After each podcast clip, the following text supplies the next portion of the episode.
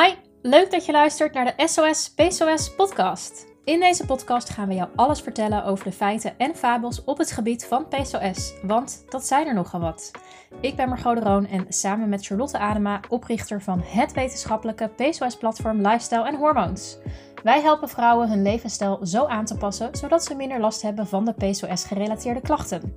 Wij zijn diëtist en gezondheidswetenschapper en gebruiken de wetenschap om de zin van onzin te onderscheiden als het gaat om PCOS, hormonen, lichaam en gezondheid. Wij zijn super blij dat je er bent en meer wilt leren over PCOS. Daar gaan we! Welkom bij een nieuwe aflevering van SOS PCOS, de podcast. Vandaag ben ik met Jo Janneke Kant. Ze is huisarts en super actief op Instagram. Maar ja, misschien kan jij jezelf nog veel verder voorstellen. Ja, kan ik. Ehm, ik ben inderdaad huisarts ehm, in de regio Den Haag en actief op Instagram uh, onder het account van de Vragendokter. En nou, daar probeer ik laagdrempelig medische informatie uh, te brengen aan, uh, aan iedereen die dat wil horen. Ja, want ik denk dat dat vooral ook nodig is, want er is heel veel misinformatie op het internet te vinden, denk ik. Ik denk dat jij daar veel, nou ja, ja last misschien zelfs wel van hebt. Want waar loop jij tegenaan in de praktijk? Of misschien soms tegenaan in de praktijk? Nou, wat je merkt is dat patiënten soms keuzes maken hè, met betrekking tot hun gezondheid op basis van niet juiste of misschien zelfs ook niet volledige informatie. Nou, als voorbeeld uit de spreekkamer met stip op één absoluut zijn de supplementen. Dagelijks heb ik in mijn spreekkamer een patiënt die mij vragen stelt over supplementen. Vaak omdat dat door een BN'er of door een influencer uh, is aangeprezen. Die overigens daar 9 van de 10 keer uh, zelf goed voor wordt betaald om te zeggen hoe geweldig het supplement is. En als wij daar dan samen, ja, weet je, op een rijtje gaan zetten van wat is nou echt wetenschappelijk onderbouwd? Welk supplement is nu echt zinvol voor jou?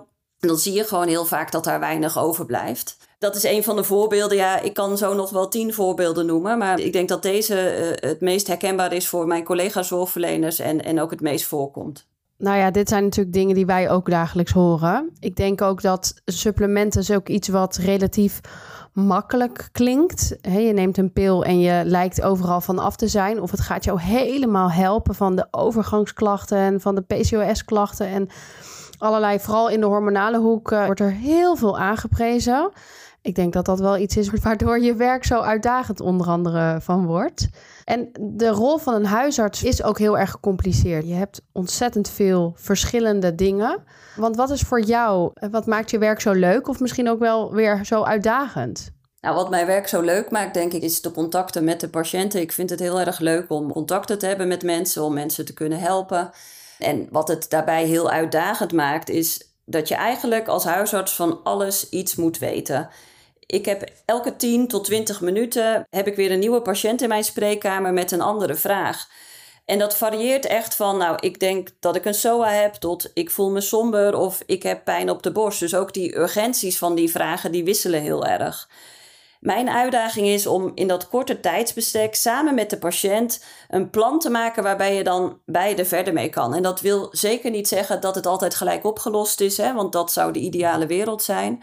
Maar de uitdaging zit er voor mij vooral in dat iemand tevreden weggaat, dat hij zich gehoord voelt, maar dat er ook een plan is voor een vervolg. Maar dat lijkt me ook echt een waanzinnig moeilijke rol. Want dat betekent dus ook dat je heel snel moet schakelen in eigenlijk een hele korte periode. Waarbij één iemand misschien net is binnengekomen met inderdaad een SOA. En de volgende die komt weer, nou, mijn menstruatie blijft uit. Dus het is ook elke keer voor de huisarts dan denk ik ook kijken van wat kan ik nou het beste doen met deze patiënt? Kan ik daar zelf een behandeling mee starten of moet ik iemand doorverwijzen? Of zit deze persoon wel op de juiste plek bij mij? Lijkt mij best wel super uitdagend om dat uh, continu te moeten hebben en dat dan de hele dag door. Ja, ik vind het heerlijk, die afwisseling. Dus ik kan erg slecht tegen steeds hetzelfde doen. Dus ja, ik uh, ga daar heel goed op. Kijk, dus dat is goed om te weten. Ik denk dat de meeste van onze luisteraars, die zijn natuurlijk vrouw. En die hebben PCOS-gerelateerde klachten. En nu behandelen wij natuurlijk vrouwen met deze type klachten. En meestal gaan die natuurlijk naar de huisarts met de eerste type klachten. En dat is help, mijn menstruatie blijft of uit. Of ik heb een hele onregelmatige cyclus. Maar menstruatieklachten kan natuurlijk veel breder zijn dan dat. En wat zijn nou veel voorkomende menstruatieklachten waar patiënten zich bij jou voor melden? Uh, nou, ik denk dat je de menstruatiegerelateerde klachten kan indelen in een aantal categorieën. ten eerste, ik word niet of ik word te laat ongesteld. de onregelmatige menstruaties of de vrouwen die niet meer ongesteld worden of niet ongesteld worden. Ten tweede, de vrouwen met veel of tussentijds bloedverlies. En als laatste meer de klachten rondom de menstruatie, zoals pijnklachten uh, of stemmingsklachten. Ik denk dat, dat dat een beetje de drie grote groepen zijn die ik uh, op mijn spreekuur zie. En is dan ook voor elk van hen de behandeling anders? Dus of ga je daar op een, als huisarts op een andere manier dan mee om? Nou, je hebt uh, richtlijnen. Hè? Dus uh, de NAG, de, de, dat is de wetenschappelijke vereniging voor huisartsen, die maakt richtlijnen. En je bepaalt aan de hand van die richtlijnen: is iets normaal? Valt iets binnen de norm? Moet ik aanvullend onderzoek doen? Uh, kan ik zelf eventueel een behandeling inzetten? Kan de patiënt wat doen? Eh, maar ook van ja, kan ik beter doorverwijzen naar de gynaecoloog? Dus dat is vrij vastgelegd in richtlijnen. En op een gegeven moment weet je die natuurlijk min of meer wel uit je hoofd en kan je daarmee een plan maken met de patiënt. Dus op die manier bepaal je natuurlijk ook of de menstruatieklachten van een patiënt dus binnen die normale grenzen vallen. En als dat dus een afwijkend patroon geeft, dan ga je dus verder kijken, ook binnen de richtlijnen, hey, wat zijn dan de routes daarvoor die we met zo'n patiënt bijvoorbeeld moeten gaan nemen? Ja, klopt. Ja. Kun je voorbeelden geven van situaties waarin een patiënt zou doorverwijzen naar een specialist, een gynaecoloog bijvoorbeeld, vanwege die menstruatieklachten? Nou, een hele, uh, ik denk voor jullie uh, luisteraars relevante is bij een zwangerschapswens bij een bekende PCOS. Dat is eigenlijk altijd reden voor doorverwijzing. Maar ook bijvoorbeeld als je op je zestiende nog nooit ongesteld bent geweest. Het mag best even duren hè, voordat je de eerste keer ongesteld wordt. Maar 16 is wel zo'n beetje de grens die we aanhouden. Ook wel afhankelijk van of dat iemand andere kenmerken heeft, zoals borstgroei of schaamhaar. En wat misschien ook wel belangrijk is om te vertellen, want dat is een vraag die ik toch nog wel vaak krijg, ofwel via Instagram ofwel op mijn spreekuur, is dat het de eerste jaren van je menstruatie, als je net ongesteld bent, de jaren daarna, dat het ja, echt volstrekt normaal is dat dan je menstruatie nog onregelmatig is. Dat stabiliseert zich vaak echt pas na enkele jaren. En je ziet ook zelfs in die eerste jaren dat het ook wat meer bloedverlies kan zijn. Dat is een vraag die wij vaak krijgen. Daarvoor hoef je dus niet door te verwijzen naar de gynaecoloog. Daar leggen wij uit dat dat normaal is. Ja, wanneer verwijs ik nog meer? Ik verwijs zelf ook regelmatig omdat ik vermoed dat een patiënt endometriose heeft. En ik weet niet of dat de luisteraars dat weten, maar even heel kort. Bij endometriose zit de weefsel wat lijkt op baarmoederslijmvlies op plekken zeg maar buiten de baarmoeder, in de buikholte. Uh, op de eierstokken, op de blaas uh, of op de darmen. En net als het baarmoederslijmvlies wordt dit weefsel ook dikker naarmate de cyclus vordert. En gaat het ook bloeden tijdens de menstruatie. En je kan je voorstellen dat als dat bloedverlies in de buikholte komt, dat dat heel erg pijnlijk is. En dan zijn de menstruaties bijvoorbeeld zo pijnlijk dat iemand thuis moet blijven van zijn werk of flauw valt van de pijn. En wij hadden vooraf van onze volgers gevraagd hè, van wat willen jullie nu weten? Hè? Zijn er vragen waar we het over moeten hebben, onderwerpen waar we het over moeten hebben? En een van die vragen was van wat is nou normaal? Nou, als je flauw valt van de pijn of in je bed moet blijven van je menstruatie, Mensen, dat is niet normaal. En dat is dus ook een reden om verder onderzoek te doen. Niet per se gelijk te verwijzen naar de gynaecoloog, want ik kan bijvoorbeeld in mijn praktijk een afspraak maken voor een vaginale echo. Dan doet een gynaecoloog alleen een vaginale echo en dan krijg ik de uitslag en maak ik op basis daarvan weer het plan. En die wachttijd is heel kort, dus dat is altijd heel fijn, want dan kan ik daarna veel gerichter verwijzen. Maar ja, weet je, is je menstruatie zo heftig dat je ervan flauw valt, dat je er niet van kan werken, ga naar je huisarts. Want dat moet er echt verder gekeken worden. Endometriose zien wij ook wel eens. Dus ongeveer 1 op de 10, 1 op 15 van de vrouwen heeft last van endometriose. Er is overigens geen link tussen endometriose en PCOS. Dat is echt een andere type aandoening. Maar ik heb ook wel eens dames gehad die dus inderdaad langs de snelweg hebben gelegen. Omdat ze gewoon niet meer in de auto konden zitten van de buikpijn. En uiteindelijk met de ambulance van de snelweg zijn afgehaald. Dus dit is gewoon heel, heel erg heftig als je dit hebt. En ik denk dat is ook een belangrijke wat jij inderdaad zegt. Als je het idee hebt van hé, hey, maar mijn leeftijdsgenoten, die hoor ik hier nooit over. Dan is het denk ik altijd een goed idee om dit bij de huisarts een keer neer te leggen. En goed overleg te hebben daarover van wat valt er binnen het normale. Dus inderdaad precies zoals wat jij zei. Ja, en ook gewoon duidelijk vertellen hoe erg het is. Want het wordt nogal snel afgedaan, denk ik, als het hoort erbij. Op het moment dat je het hebt over een pijnlijke menstruatie. Maar ja, weet je, dit is echt niet normaal. Dit, dit hoort niet. Nee, en om nog heel even terug te gaan op jouw eerste stuk. Je zei ook van nou, dat stabiliseert zich vaak na enkele jaren. Dus als je ook met 16 nog een onregelmatige cyclus kan hebben, dat kan zeker. Echter zijn er ook nu in de nieuwe richtlijnen voor vrouwen met PCOS richtlijnen voor tieners meegenomen. Waarin dus eigenlijk staat dat als jij dermate gekke menstruatiecyclussen hebt, dus hij blijft helemaal uit. Je hebt wel een cyclus gehad toen je 13 was en een keer toen je 14 was. Nou, en dan heel af en toe een keer toen je 15 was.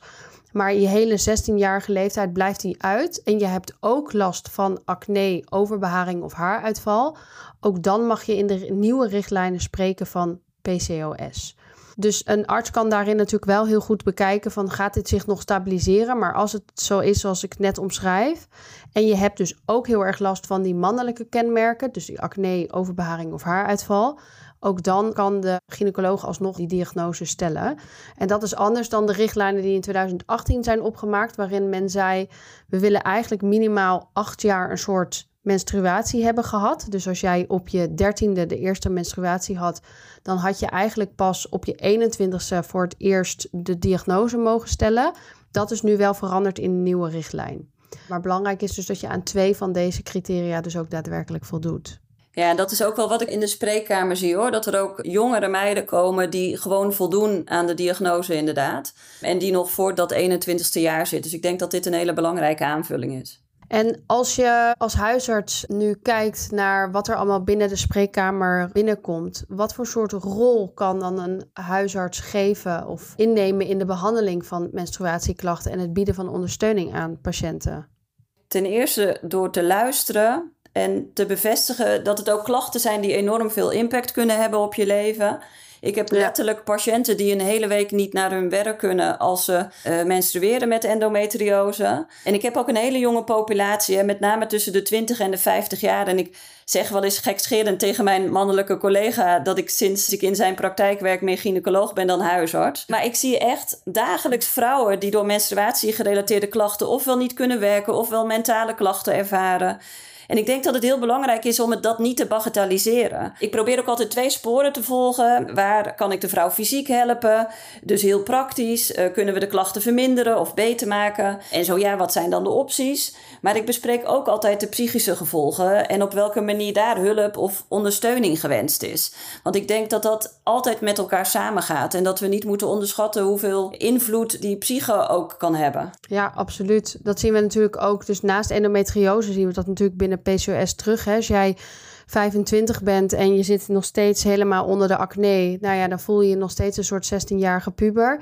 En als dan die cyclus ook vervolgens niet komt, dan horen wij van heel veel vrouwen die dan zeggen: Ja, ik voel me een soort van stuk. Ik functioneer niet zoals ik dat normaliter zou moeten doen. Ik voel me ook minder vrouwelijk. En we zien dus ook in daarom in deze populatie heel veel meer mentale klachten terug. Waarbij ook een stukje zelfvertrouwen, en dat is ook lastig. Hè, als je natuurlijk onder de overbeharing of de acne zit. Dus we zien heel veel mentale klachten terug van vrouwen die het lastig vinden om bijvoorbeeld de deur uit te gaan. Ik denk dat de huisarts daarin natuurlijk ook een hele mooie rol kan spelen in waar kun je dan de juiste hulp ook vinden. En dat dus inderdaad ook een huisarts ook die ondersteuning daarin kan geven. Ja, en ik denk ook dat het belangrijk is dat je de juiste informatie vertelt. Ik had toevallig vanochtend nog iemand op mijn spreekuur en die had de diagnose PCOS. En er was tegen haar verteld, de kans dat jij zwanger wordt is heel erg klein. Maar dat is natuurlijk niet zo. De kans dat zij zwanger wordt is net zo groot als van iemand die geen PCOS heeft, alleen het kan langer duren. Maar daarmee liep ze al wel drie jaar in haar hoofd. En daar zat ze enorm mee te worstelen. Dus ik denk dat het ook vooral belangrijk is, is dat we de mythes en de fabels, zeg maar, ontrafelen. En dat is natuurlijk ook deels wat ik probeer te doen op mijn Instagram-account. Gewoon betrouwbare informatie te delen, zodat dit soort dingen niet in je hoofd gaan zitten. Want ja, dat is echt zonde. En sowieso vrouwengezondheid is sowieso al iets hè, wat binnen de medische sector al veel minder belicht wordt.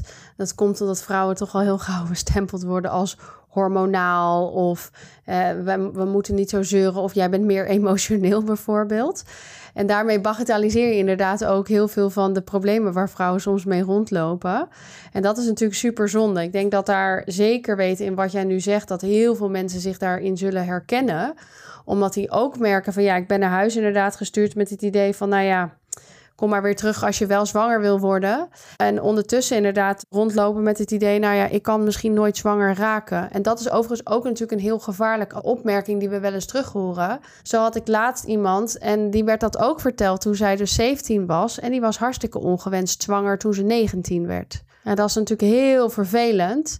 En dan zit je natuurlijk ook op het internet waar men dan aangeeft van ja, maar je moet niet de pil slikken en dat is super slecht voor je. En uh, ik hoorde laatst iemand zeggen het is een sociaal experiment. De pil gebruiken. Nou, toen dacht ik helemaal wat?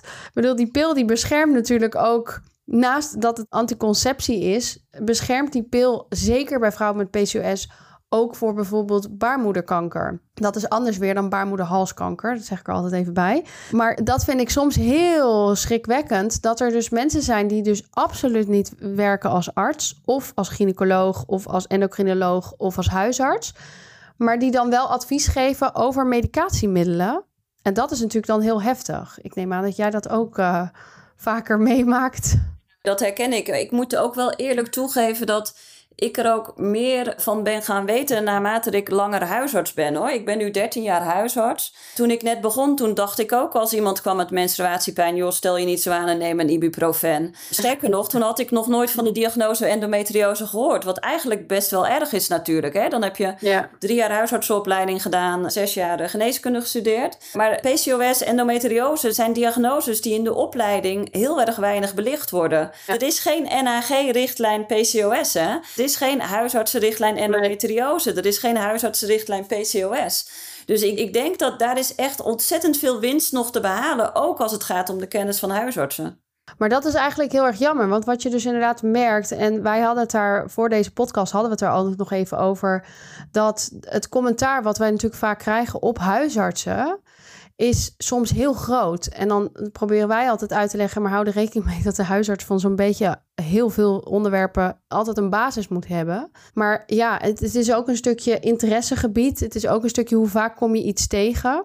Ik kan me voorstellen dat dat super moeilijk is voor zo'n huisarts. Kijk, jij werkt in een gebied waarin je dat dus vaker tegenkomt, omdat de, de groep die jij vaker ziet jonger is.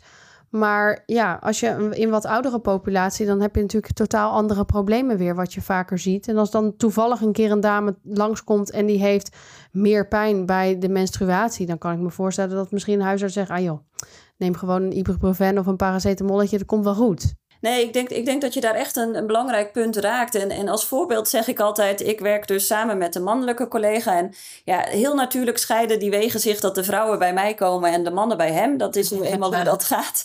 Dat is altijd in elke praktijk geweest waar ik heb gewerkt. Maar even om als voorbeeld te noemen: ik denk dat ik acht, negen jaar niemand meer heb gezien met erectiestoornissen. En dat is niet omdat de mannen er niet mee rondlopen, maar dat is gewoon omdat ze dat niet met mij bespreken. En dat maakt natuurlijk dat ik daar gewoon veel minder van weet dan van menstruatieklachten, waar ik elke dag iemand van in de spreekkamer zie. Dus ik denk dat dat wel goed is om je te beseffen dat inderdaad huisartsen een beetje van alles moeten weten, maar dat het ook uitmaakt hoe vaak zie je nou zo'n patiënt. Wil je aan die diagnose denken? En daar valt denk ik winst te halen met scholing, met bekendheid. Ik hoop dat dat eh, ook in de loop van de jaren meer gaat komen. Nou, het is natuurlijk heel leuk. Je hebt natuurlijk een paar keer uh, iets gezegd over lifestyle en hormoons en iets over PCOS. En dan zag je dat ook meteen terug in de mensen die ons gingen volgen. Van, oh, wat fijn dat een huisarts mij heeft doorverwezen.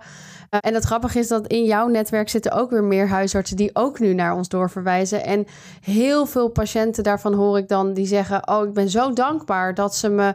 Zij kunnen mij niet helpen. Ik heb wel heel veel last van klachten en zij kunnen mij op dat medische stuk heel goed helpen. Maar zij verwijzen mij nu wel goed naar een plek door waar ik het gevoel heb van hé, hey, ik ben niet de enige. En ik kan nog zelf heel veel invloed daarop uitoefenen. En dat is natuurlijk fantastisch. Dat de huisarts natuurlijk ook een soort meer poortwachtersfunctie of die heeft een signaleringsfunctie. En die kan dus ook heel goed doorverwijzen naar plekken waar de juiste informatie of de gerichte informatie wel te vinden is. Ik denk dat dat natuurlijk een hele mooie rol ook van die huisarts is.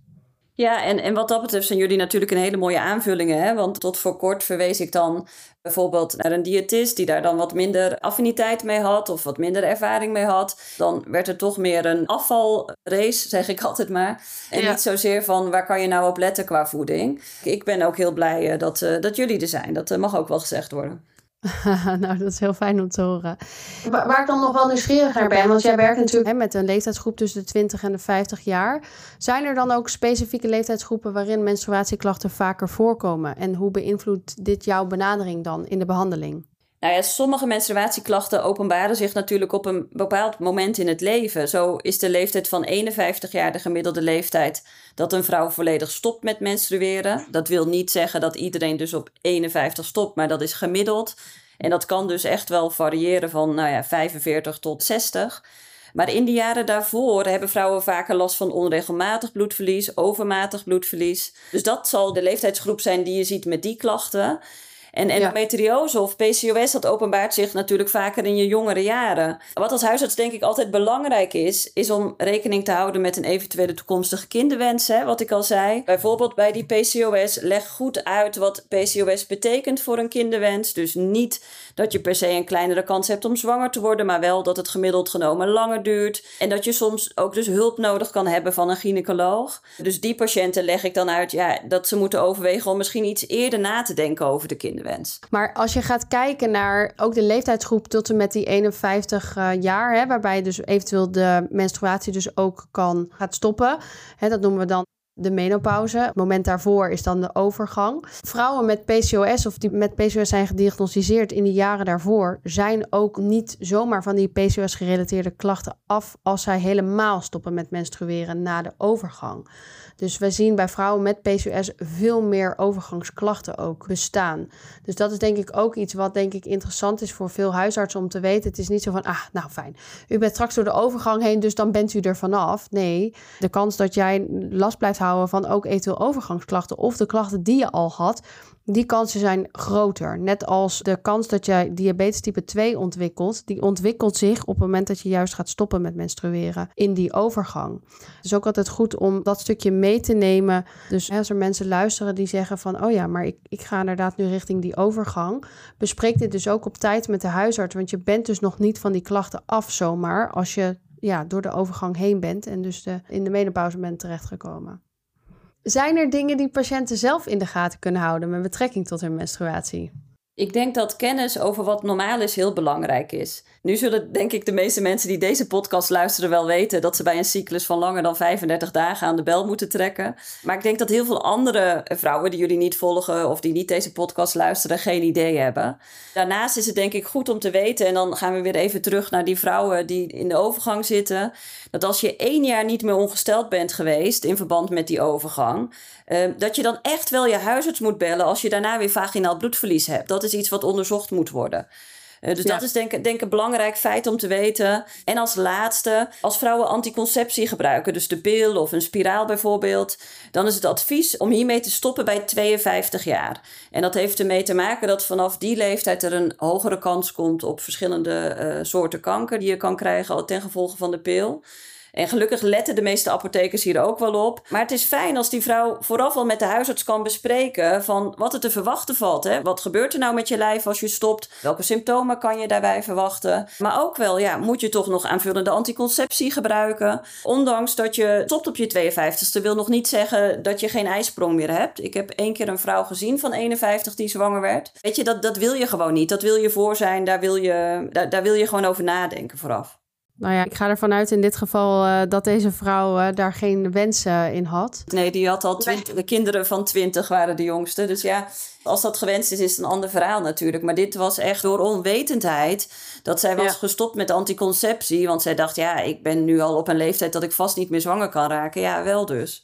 Ja, dat zien we dus de andere kant natuurlijk ook op. Hè? Dat als je dus 16 of 17 bent en je hebt een onregelmatige cyclus... en iemand zegt, nou, het wordt wel heel erg moeilijk voor jou om ooit zwanger te worden...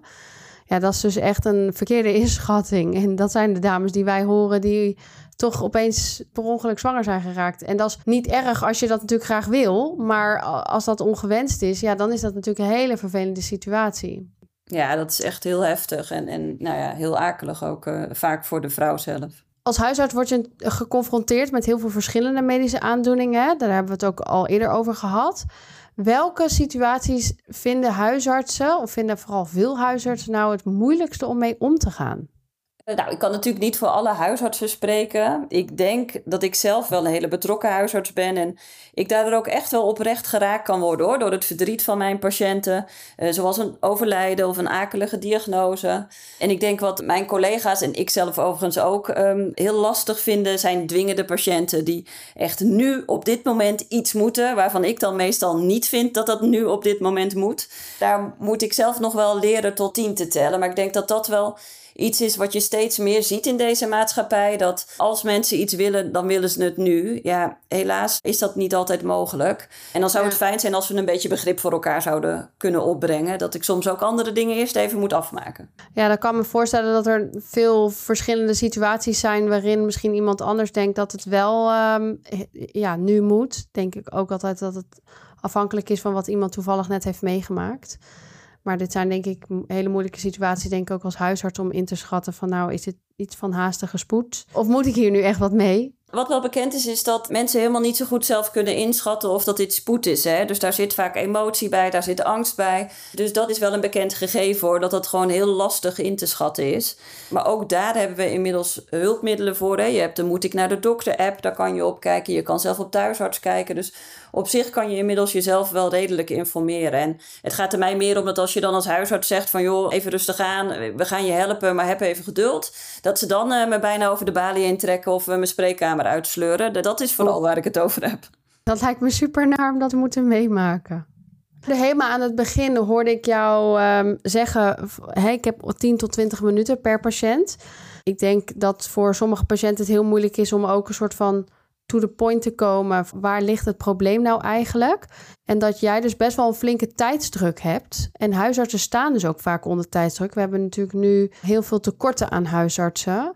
En hoe zorg jij er dan voor dat jij voldoende tijd en aandacht aan elke patiënt besteedt, ondanks dus die beperkte tijd die je hebt per consult? Hoe, hoe, hoe pak jij dat aan? Nou, bij ons in de praktijk gaan we daar gelukkig heel erg bewust mee om. We vragen de patiënt standaard 20 eh, minuten per consult te plannen, zodat je echt even de tijd hebt om alles op een rijtje te zetten met elkaar. Dat werkt voor mij als dokter heel fijn. Ik kom uit praktijken waar dat niet zo was en daar had je inderdaad continu die tijdsdruk in je nek. Dat is nu echt een stuk minder, moet ik zeggen. Maar soms heb je ook niet genoeg aan 20 minuten. En eh, dan denk ik dat je dat ook soms samen moet concluderen en een vervolgafspraak moet maken. Zolang je maar zorgt dat je wel in contact blijft met elkaar. Maar weet je, 10 minuten, 20 minuten, het is allemaal heel kort hè, als het gaat om een belangrijke medische klacht die je goed wil vertellen. Je zei van we vragen patiënten 20 minuten per consult te plannen. Ik neem aan dat dat de doktersassistent doet, eh, die hoeveelheid minuten plannen? Nee, wij werken in een uh, praktijk die overwegend uh, zelfvoorzienend is. In die zin dat onze patiënten zelf hun afspraken kunnen plannen online via onze online applicatie. Oh, wauw. Ja, heel fijn. Heel fijn. Dus wij hebben heel weinig telefoondruk. Uh, en mensen kunnen laagdrempelig zelf een afspraak inplannen. Maar ook bijvoorbeeld een e-mailconsult, eh, vragen stellen. En dan proberen wij ook altijd dan uh, binnen twee dagen antwoord op te geven. En dat zorgt ervoor dat onze telefoon uh, eigenlijk heel weinig overgaat. Dus dat is heel fijn, zowel voor de patiënt als voor de dokter. Oh, wat goed. Nou, dat zullen ze vast niet in elke praktijk hebben. Ik weet dat het in mijn praktijk sowieso niet zo is. Dus dit is wel super fantastisch. Alleen dan moeten we inderdaad met z'n allen kijken hoe we die druk op de zorg natuurlijk gaan verdelen. Zodat iedereen uh, daar zijn moment ook voor kan nemen als er wel natuurlijk wat aan de hand is. Maar super fijn dat jullie dat op deze manier zo doen. Het voelt ook echt heel fijn uh, om in zo'n praktijk te kunnen werken, moet ik zeggen. Misschien ook niet onbelangrijk, hè? want jij bent er natuurlijk altijd voor de patiënt. Wie is er voor jou om ervoor te zorgen dat jij je eigen welzijn kan waarborgen? Ja, daar zit nog wel een uitdaging, denk ik. Ik heb geen uitknop, dus ik kan altijd heel erg druk zijn met mijn patiënten en me heel, ook heel erg druk maken over de zorg en over mijn patiënten. Maar goed, ik probeer natuurlijk wel um, af en toe afstand te nemen, te lezen, een stukje te lopen, dat soort dingen. Maar ik denk dat, net als heel veel huisartsen met mij, dat dat toch wel onze zwakke plek is. Dat we heel erg veel willen zorgen, dat we heel graag voor anderen willen zorgen, maar dat het soms lastig is om voor jezelf te zorgen. Ja, want wij krijgen natuurlijk ook heel vaak wel de succesverhalen. En de succesverhalen zijn dan dat dames aangeven van... nou, ik heb mijn menstruatiecyclus weer terug... omdat ik aan de slag gegaan ben met mijn levensstijl. Of ik had laatst iemand die zei... je hebt me mijn leven echt teruggegeven... want ik heb gewoon die enorme buikpijnklachten... heb ik gewoon niet meer. Of ik had laatst iemand die zei... nou, ik had mijn hele jaarsalaris er wel naar uit kunnen geven... want ik heb gewoon geen last meer van die enorme stemmingswisselingen en super veel last van PMS uh, gedurende mijn cyclus. Waardoor ik gewoon een veel gezelliger persoon ben geworden. Dus wij zien natuurlijk ook best wel wat succesverhalen. Zijn er ook mooie succesverhalen aan de kant van de huisarts die je daarin uh, aan het einde van de dag meeneemt? Ja, zeker. En dat geeft natuurlijk heel veel voldoeningen. Ik had pas een patiënt en die had een shirt voor me gemaakt. Wat stond erop? Beste dokter ever of zo. Ja, super lief natuurlijk. En daar doe je het ook echt voor. En dat zorgt er ook voor, denk ik, dat ik het allermooiste vak heb van de hele wereld. De voldoening en de waardering die je krijgt van je patiënten, ja, dat is gelukkig nog steeds heel veel meer dan de negatieve dingen die je ervaart als huisarts. En zolang dat zo is, blijf ik doorgaan in ieder geval. Kijk, wat fijn, wat goed om te horen. Nou, ik vind het waanzinnig knap wat jullie allemaal moeten doen. En waanzinnig knap hoe jullie dat ook allemaal moeten zien te regelen in zo'n korte periode. En inderdaad met de uitdagingen van de tijd van nu. Dus ik wil jou in ieder geval onwijs bedanken. Dankjewel voor het delen van jouw expertise en de ervaringen met ons vandaag. Ik denk dat het een uh, heel waardevol gesprek was om een blik achter de schermen te krijgen van het werk van een huisarts. Ik hoop in ieder geval dat deze aflevering onze luisteraars ook heeft geholpen om wat meer dieper begrip te krijgen van de rol van de huisarts. En ook echt aan de bel te trekken op het moment dat je denkt: hmm, dit klopt niet helemaal. En op tijd eh, daarmee naar de huisarts gaat en gaat vragen naar wat eventueel de opties zijn. Ik wil jou in ieder geval mega bedanken voor vandaag. Ja, graag gedaan. Ik denk dat we onwijs veel te pakken hebben gehad tijdens deze podcast. En mochten er nog vragen of opmerkingen zijn, vind Jo Janneke dan op de Vragendokter via Instagram. Ik dank je voor het luisteren en tot de volgende keer. Heb jij genoten van deze podcast en wil je graag meer weten? Ga dan naar onze website www.lifestyleenhormoons.com of volg ons Instagram-account Lifestyle Hormoons voor meer tips en informatie over onze diensten en producten. De informatie in deze podcast is informatief van aard en op geen enkele manier medisch advies of vervanging van medisch advies. Neem bij twijfels en klachten altijd contact op met een medisch professional.